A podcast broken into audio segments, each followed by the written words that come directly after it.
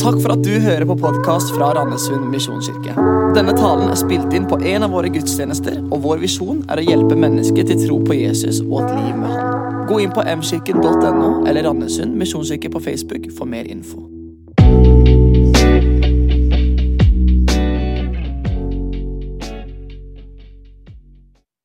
Mye gøy å følge med på. Forrige uke, på onsdagen, så var det Birk Ruud, som er 21 år, som vant et utrolig bra OL-gull i Big Air, i friski. En litt sånn ny OL-øvelse som eh, var litt ukjent for meg, men det gjorde veldig sterkt inntrykk, den prestasjonen. Og kanskje mest inntrykk når han skulle feire gullet sitt og rakk hånda mot himmelen, og så sa han 'Pappa, du er med meg'. For bare noen få måneder før så hadde faren dødd i kreft. Og Så sier Birk etterpå i avisen at han, pappa han har forma meg. Han har lært meg så mye, og jeg er blitt så inspirert av han. Jesper Saltvik Pedersen han er en annen utrolig bra idrettsutøver som er fra Karmøy. Eh, og som står på ski. Det er en motsetning, egentlig. Men han eh, er en av verdens beste alpinister. Eh, I januar ble han VM-kongen på Lillehammer i, i, VM i skisport, heter det. Og Det er en sterk historie om en gutt som på tross av lammelse i beina er blitt en av verdens beste alpinister. Da. Han vant tre VM-gull. Og Bak suksessen hans så står det en støttende familie og en selvoppofrende far. Og Derfor så var det utrolig sterkt eh, når han har gjort det så bra, og så døde pappaen hans altså for bare noen få måneder siden hjerteinfarkt og et stort savn, og nå er han uten pappa. Og Fedre betyr veldig masse for livet vårt eh, når de er til stede og er nære, og også når de er borte og ikke lenger er hos oss. Eh, denne Relasjonen til pappa den betyr veldig mye på godt, og noen ganger på vondt. Og Det er jo en ting som Jesus vet veldig godt. Og Når disiplene kommer til han med spørsmålet da, 'Herre, lær oss å be', så svarer han med akkurat disse ordene her. Ok, Sånn her skal dere be. Vår Far i himmelen. Og så lærer han de det som er blitt verdens mest kjente bønn etterpå. Og nå har Mats sagt det allerede at i dag så begynner vi en ny taleserie om bønn. Og den heter 'Lær oss å be', og vi skal fire søndager om bønnen vår far fra Matteus eh, kapittel 6. Nå har Mats introdusert meg, og jeg er så heldig, jeg opplever meg veldig heldig som får lov til å begynne den taleserien her. Jeg heter altså Gordon, kommer fra Haugesund, gift med Magni og har tre barn. Og Så flytta vi til Kristiansand i fjor sommer. Eh, og En av de tingene vi er veldig takknemlige for, det er å få lov til å være med i, i fellesskapet her, i menigheten opplever det veldig godt å få lov til å være med i en sånn familie som det her i Randesund misjonskirke. Og så jobber jeg altså til daglig på Ansgarskolen med studenter som forbereder seg til tjeneste i menighet og misjon, og det er veldig rikt. Eh, nå er det sagt veldig mye fint om bønn av mange. Eh, noe av det morsomste som er sagt, det, kanskje, det kommer kanskje fra barnemunn. Bare sjekk den her. Sofie på 20 år sier det at eh, man kan få forskjellige ting av Gud hvis man bare ber og maser. Men man må folde hendene. Og siden det er så langt opp til himmelen, må man skrike ganske høyt. Tale på 20 år sier jeg liker å rope aftenbønnen min, men det irriterer faren min. Andreas på 20 år sier jeg ber til Gud. Da sier jeg, kjære Gud, ikke la søstera mi ta rotta på meg. Og så har du konfirmanten da, som ba Fader vår, du som sitter på himmelen, la ditt navn holdes hemmelig. Ja. Fine sitater fra boka 'Kjære Gud, jeg har det godt. Har du noe ull?' av Unni Lindell. Altså, Disiplene til Jesus de var jo veldig godt vant med bønn. Og De var jøder, de ba til faste tider hver dag når de var hjemme når de var på gudstjeneste i tempelet, i synagogen, så ba de. De var vokst opp med bønn, de visste godt hva bønn var.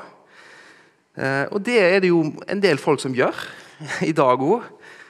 Eh, undersøkelser viser at over halvparten av alle nordmenn ber til en høyere makt innimellom. Og Folk flest beskriver sikkert bønn litt forskjellig. Jeg sjekka litt opp eh, Store norske leksikon, som sier at bønn er en samlebetegnelse for ulike former for kommunikasjon mellom mennesker og høyere makter. Og Den kan ha ulike formål, f.eks. For å oppnå noe eller å takke og lovprise guddommen. Bønner kan ha stor betydning for å sikre kulturell kontinuitet i et samfunn. Og Det å be synes å være et allment og menneskelig behov og utgjør med få unntak et trekk i alle kulturer. Disiplene de hadde altså sine tradisjoner, de hadde sine bønner. Og, og det var helt sikkert veldig fint. Men så har de vært sammen med Jesus en stund, og så opplever de å se Altså De blir nysgjerrige på Jesus og på hvem han er, på hva hans bønneliv hvordan det er. Ehm, de har sett at Jesus sitt bønneliv kanskje handler om, om mye mer. At det, er noe mer enn det de er vant med. Og noe helt annet eh, enn bare det å sikre kulturell kontinuitet i et samfunn. Da, eksempel. og De hadde jo vært tett på Jesus og sett det som Matteus skriver om flere plasser. F.eks. at Jesus hadde vært sammen med veldig masse folk, metta 5000 menn, pluss kvinner og barn. Og kunne på en måte vært populær en stund der, men så velger han heller å gå avsides. Eh, og være alene og be. Eh, de har sett at eh, Bønn har vært viktig for Jesus før han skal møte veldig masse mennesker. Før han skal ta viktige avgjørelser, så går han for seg sjøl og så ber han. De har sett at Jesus har bedt til sin far for sine venner. Eh, de har sett etter hvert at Jesus, når han kommer i krise, og rett før han skal dø i Getsemane, så hva gjør han da? Han vender seg til sin far og ber om at det skal gå han forbi, at han skal slippe å dø. Helt krise. De har sett veldig mye, og så forteller Lukas da, i sitt evangelium at disiplene kommer til Jesus og sier, 'Herre, hvordan skal vi be? Lær oss å be.' Og Så kommer Jesus disiplene i møte, og så er det Matteus da, som gjengir i sitt evangelium Jesus sitt svar på deres sitt lengsel, deres nysgjerrighet etter et rikere bønneliv. Og Det leser vi om i Bergprekenen i kapittel 6. Og så tar Jesus for seg her ikke bare bønn, i kapittel 6, men de viktigste jødiske fromhetspraksisene som de hadde. Og Det var å gi gaver til de fattige, det var å be, og det var å faste. Og Så sier Jesus basically da Når du gir dine gaver til de fattige, når du ber, og når du faster, så skal du ikke gjøre disse tingene for at andre skal legge merke til hvor åndelig du er. Dere som følger meg, skal gjøre det på en ny måte, en annerledes måte. Og Den personlige bønnen du ber, det skal skje når du er for deg sjøl, og far som ser i det skjulte, skal lønne deg. Og Så sier han om bønn. Når dere ber, så skal dere ikke ramse opp masse ord sånn som hedningene gjør. De tror de blir bønnhørt ved å bruke mange ord. Ikke vær lik dem. For dere har en far som vet hva dere trenger, før dere ber han om det. Og sånn skal dere derfor da be. Vår Far i himmelen. La navnet ditt helliges. La riket ditt komme. La viljen din skje på jorden slik som i himmelen. Gi oss i dag vårt daglige brød og tilgi oss vår skyld, slik også vi tilgir våre skyldnere. Og la oss ikke komme i fristelse, men frels oss fra det onde. For riket er ditt, og makten og æren i evighet. Amen. Og Den bønnen har vi allerede bedt i dag. og det Jesus gjør, at han, han gir disiplene en bønn som han formulerer ikke helt på nytt. Han formulerer den ut fra en jødisk bønnetradisjon med røtter i Det gamle testamentet. Og Vi har f.eks. en bønn som er jødisk, som er Kaddish-bønnen, som handler om at Guds navn skal bli helliga, at Guds rike skal komme, og Hans rike skal opprettes. Eh, og For å ta med kirkefader Cyprianus, han sier i år 252 da han skriver det her, at eh, denne bønnen, Herrens bønn, inneholder store hemmeligheter. Den er kort i sine ord og uttrykk men umåtelig rik på ånd og kraft. Den er et kort sammendrag av den himmelske lære og glemmer ikke en eneste ting som kan føres frem i våre bønner. Og så er det en slags struktur her. Du kan dele bønnen i to. Den første delen handler om Gud eh, og Guds navn, hvem Gud er. Det handler om Guds rike, Guds vilje. Og den andre delen handler om oss og disiplene. da, Om våre behov. Kroppslige behov, åndelige behov.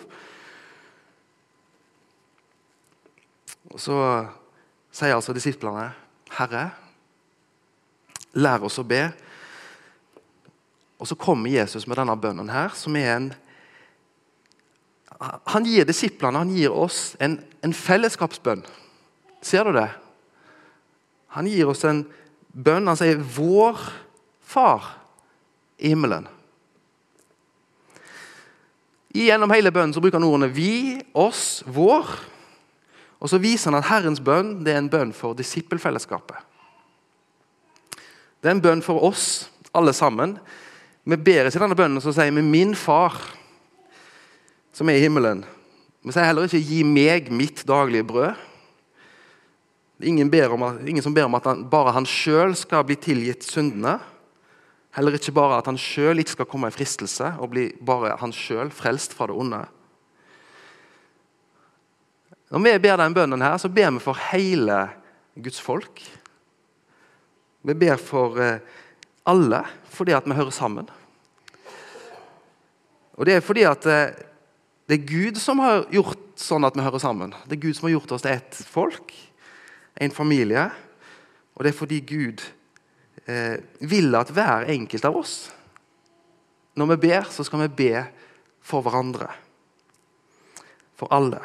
Så Når vi i menigheten nå har allerede bedt bønnen vår far, så ber vi for oss som er her sammen. Vi ber for hverandre. Og jeg tenker at Det er veldig fint, for det trenger vi alle sammen innimellom. Gjør vi ikke det? Men så har jeg veldig lyst til å utvide litt. For Vi ber ikke bare for oss som er akkurat her. Vi ber for alle våre søsken i Kristus. Og Forrige uke så fikk jeg, jeg sammen med Ansgar bibelskole, disippellinja der og danselinja, vært på besøk i Colombia, på Jakobs hus som er et av de misjonsprosjektene vi som menighet støtter. Har gjort i mange år. Og Der fikk vi møte fantastiske unger som vi var sammen med, og som vi kunne leke med og som vi kunne ha det gøy sammen med. og Det var mye latter, og det var, det var kjempefint å ha en dag sammen med dem.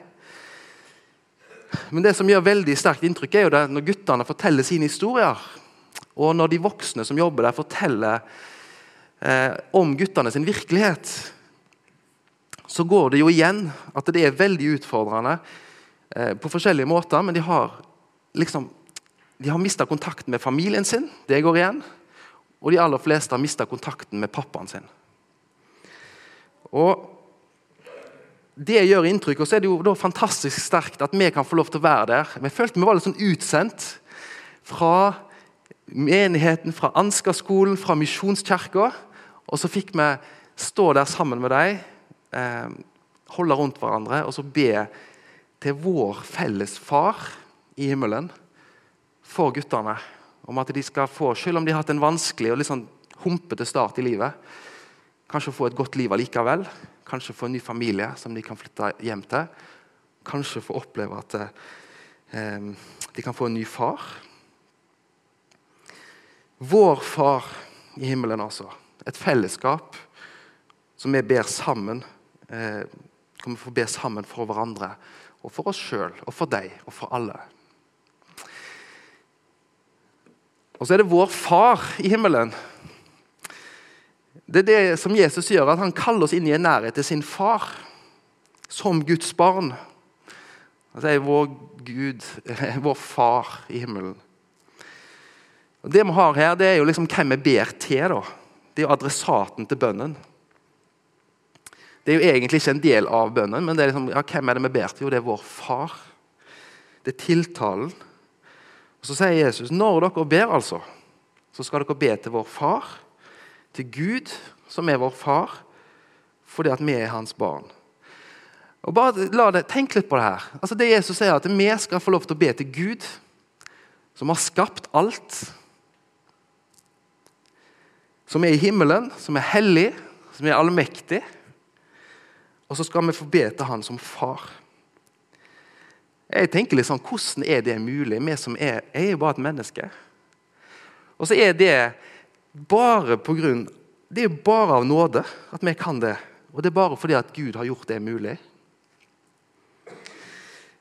Johannes sier jo i sitt første eh, kapittel i sitt evangelium alle dem som tok imot ham, dem ga han rett til å bli Guds barn. Alle dem som tok imot Jesus, altså. De som tror på hans navn. De er ikke født av kjøtt og blod, ikke av menneskers vilje og ikke av manns vilje, men av Gud. Og Så sier Jesus at når vi da er Guds barn, så begynner dere bønnen med en, en sånn holdning, en tilbedelse hvor vi takker Gud og på en måte sier og bekjenner hva Gud er. Når vi kaller Gud vår far i himmelen, så sier vi 'vår far' fordi vi er hans barn. Bare av nåde. Og så er det Jesus sjøl som er Guds sønn, som i bønnen har på en måte gjort det mulig da, og gitt oss tillatelse til å kunne si det samme. Kalle Gud for vår far. Og Så finnes det jo masse forskjellige typer fedre. da. Og eh, Hva type far er Gud?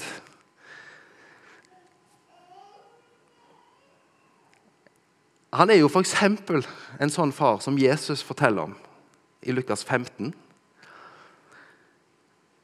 En far som står hjemme, og som bare står der. Og så venter han tålmodig og utholdende på sin yngste sønn, som har gjort opprør, og som har eh, stukket hjemmefra, som har ønska at faren sin skulle være død, tatt halve arven Eh, reist langt bort, brukt alle pengene, kasta det vekk og gjort alt mulig galt som han ikke skulle gjøre.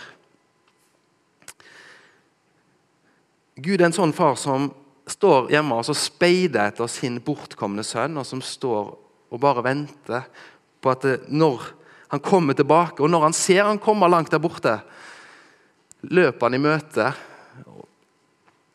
Gutten kommer lutende med slepende bein, men faren springer han i møte med åpne armer og omfavner han, klemmer han, tar han med hjem, lager fest fordi at han som var bortkommen, han som var fortapt, er kommet hjem.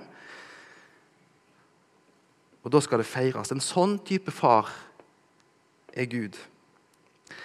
Og Når Paulus skal si noe om sitt forhold til, til Gud, så begynner han eh, i Galaterbrevet. Han sier en del om det, så han, han begynner med hvordan det var før han eh, ble en kristen, før han ble kjent med Jesus. Før han møtte Kristus og ble født på ny. At det livet det var, det var helt annerledes. Det var som å leve i slaveri. det, Under grunnkreftene i verden. Han. Eller det var som å leve som han var umyndig. Han levde i en ufrihet. Og Så sier han at Men i tidens fylde sendte Gud sin sønn, født av en kvinne og født under loven han skulle kjøpe fri dem som sto under loven, så vi kunne få retten til å være Guds barn.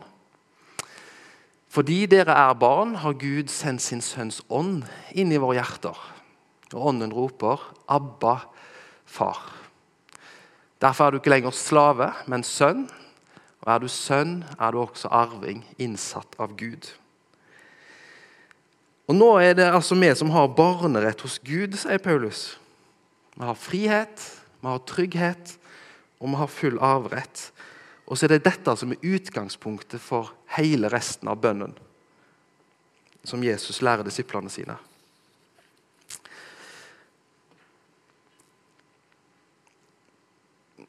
Og så sier han altså 'vår far i himmelen'. I himmelen, det handler ikke først og fremst om himmelen høyt der oppe med alle stjernene og skyene.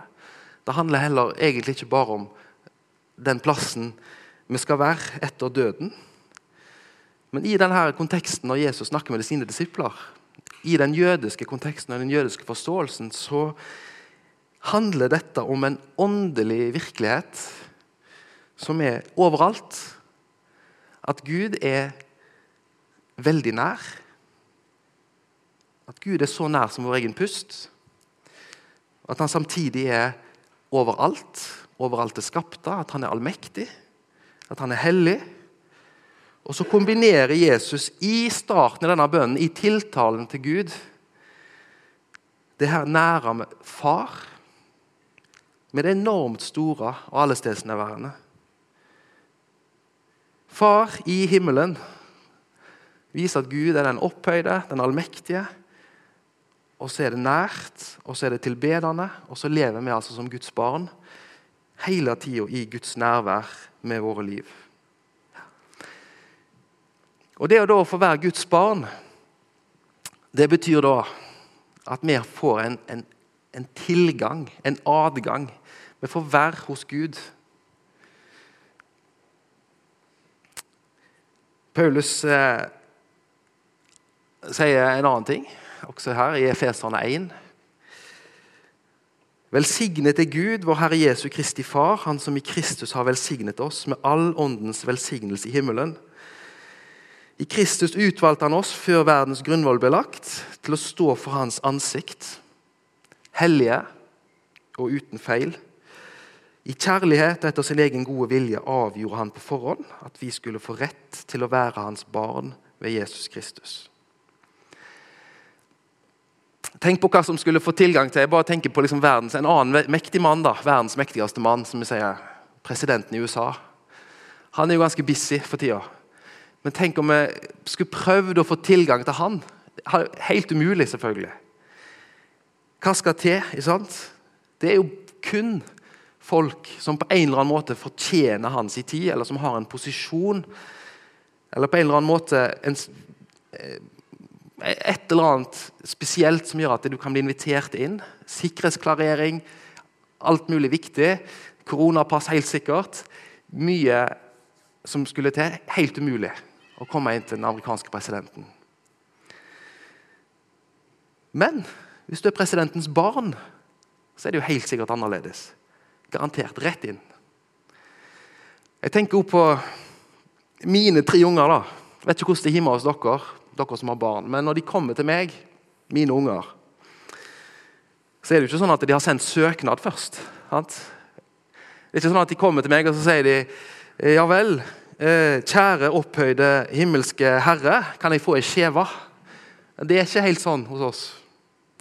Så De har jo allerede en unik tilgang fordi at de er mine barn. De bor jo der. Vi hører sammen. Og så Når de kommer, så sier de jo 'pappa'. Sier ikke 'du er opphøyde Gordon Valen'. Eh, er det mulig å få audiens? Det er ikke sånn. sånn de kan finne sin mat når de trenger det. Maten er i kjøleskapet. Når de ringer, så gjør jeg alt jeg kan for å svare og være tilgjengelig. Fordi at de er mine barn, så skal de ha rask tilgang på meg. Og Gud, da, som er vår far han vet jo veldig godt hvem vi er. Og han slipper oss inn. Vi har en tilgang. Han lytter, han er til stede, han er nær. Og så Gjennom denne bønnen får vi oppleve at vi er elska, at vi blir tatt hånd om. Og Så skal vi ta med den første bønnen i Herrens bønn. La navnet ditt helliges. Dette er den første bønnen, eh, som på en måte er en bønn. Og så handler det om hellighet. Og Martin Luther hadde et godt spørsmål til den bønnen. her. Han sa at eh, hvorfor skal vi be om at Guds navn skal helliges? Er det ikke hellig allerede? Og det er det jo. Gud er hellig. Gud er annerledes enn oss. Og Når vi ber denne bønnen, så sier vi det at Gud er hellig. Han er annerledes. Og vi anerkjenner at Gud er stor, at han har makt, og at han er den han er. Samtidig så ber vi om noe mer her. Vi ber noe om, og da må vi til Gamle Testamentet litt raskt. Noe som profeten Esekiel profeterer om i Gamle Testamentet. Noe som skulle skje i framtiden. Det er litt mye tekst, men jeg tar det med. Esekiel 37, 24-28, så sier han i en profeti. Min tjener David skal være konge over dem i framtida. Altså. De skal alle ha én gjeter, de skal følge lovene mine og holde forskriftene mine, så de lever etter dem. Så skal de få bo i landet som jeg ga min tjener Jakob, og som deres fedre bodde i. De skal bo i det for alltid, både de og deres barn og barnebarn. Og min tjener David skal være deres fyrste for alltid. Jeg slutter en fredspakt med dem. Det skal være en evig pakt. Jeg lar dem bli mange og setter min helligdom hos dem for alltid. Min bolig skal være hos dem. Jeg skal være deres Gud, og de skal være mitt folk. Og folkeslagene skal kjenne at jeg er Herren som gjør Israel hellig, når min helligdom er hos dem for alltid. Så En gang sier Esekiel, så skal Gud komme med en fredspakt. En evig pakt. Guds helligdom skal være blant menneskene. Gud skal bo blant sitt folk. Og Så sier Esekiel her at Gud sjøl skal gjøre sitt folk hellig. Og så skal vi eh, Dette var lenge siden han sa det, så kan vi i dag da, se på en måte litt tilbake og så kan vi si at ja, det har kommet en ny og evig pakt med Jesus Kristus. Gud har sendt oss sin Hellige Ånd. Han er iblant oss. Og så skal det skje en oppstandelse til nytt liv.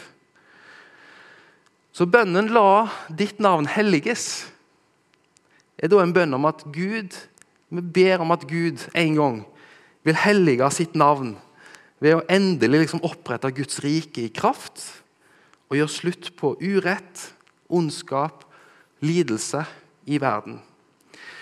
Og Jesus han tar det opp og han ber om dette som i et ekko. på en måte. Johannes 12, 28. Han, sier, han, han, snakker om at han snart skal dø, og så ber han så sier han, Far, la ditt navn bli herliggjort. Da lød det en røst fra himmelen. Jeg har herliggjort det, og jeg skal herliggjøre det igjen, sier Gud. Så Guds navn skal herliggjøres. Eh, og det er Gud som sjøl skal herliggjøre sitt navn. Det skjer ved Jesu død og oppstandelse. Og så er, liksom ikke, så er det litt igjen, tenker jeg da. Eh, vi merker jo det, Nå ble det litt mye profetier og litt mye tekst, men jeg merker jo at vi er liksom ikke helt i mål. Det er ikke helt fredelig helt ennå overalt. Det er fortsatt mennesker som har det vanskelig og som lider. Det er fortsatt ondskap. Og Derfor så ber vi om at Gud skal hellige sitt navn. At, Gud, at Guds rike skal gå fram, at Gud skal ta bort ondskap, urettferdighet, smerte, ensomhet i hele verden. I Colombia, her i Norge, i våre liv. At Gud skal gjøre alle ting godt. Det lengter vi etter. Hæ? Og Det ber vi om at skal skje, at Guds navn skal helliges ved at Gud gjør sitt verk blant mennesker som sliter og strever, og som lider i verden i dag. Og Samtidig da, så ber vi om en ting her. Vi ber om at Herre, vi vil at ditt rike skal gå fram, og at du skal bli æra gjennom våre liv, gjennom vår menighet. På et vis så sier vi at vi vil leve annerledes. Det å be om at Guds navn skal helliges, handler ikke bare om at vi sier at han er hellig. Men at vi sier at vi med våre liv i etterfølgelse og overgivelse viser at han er annerledes og hellig. Så vi ber på en måte om at han skal helliges ved våre liv. Og at han kan få bruke oss når han utbrer sitt rike. Og at mennesker kan få nytt liv gjennom oss, gjennom vår menighet, gjennom der som vi er. Så til avslutning her nå, Herre, lær oss å be. Det er det disiplene ba Jesus om. Så sier Jesus den er grei. Når dere ber, så skal dere be sammen. Dere skal be for hverandre. Husk at uh, vi har en far som er veldig nær. Som er så nær som vår egen pust. Og som samtidig er overalt, og som har full oversikt. Som er allmektig. Det er han dere ber til. Så vi har altså ikke en far som er borte. Vi er ikke uten pappa. Gud er vår far som er nær oss. Han er overalt. Eh, han har gitt oss en ny familie. Vi har jo hverandre her. Vi kan be for hverandre, og så er Gud altså hellig, han er allmektig.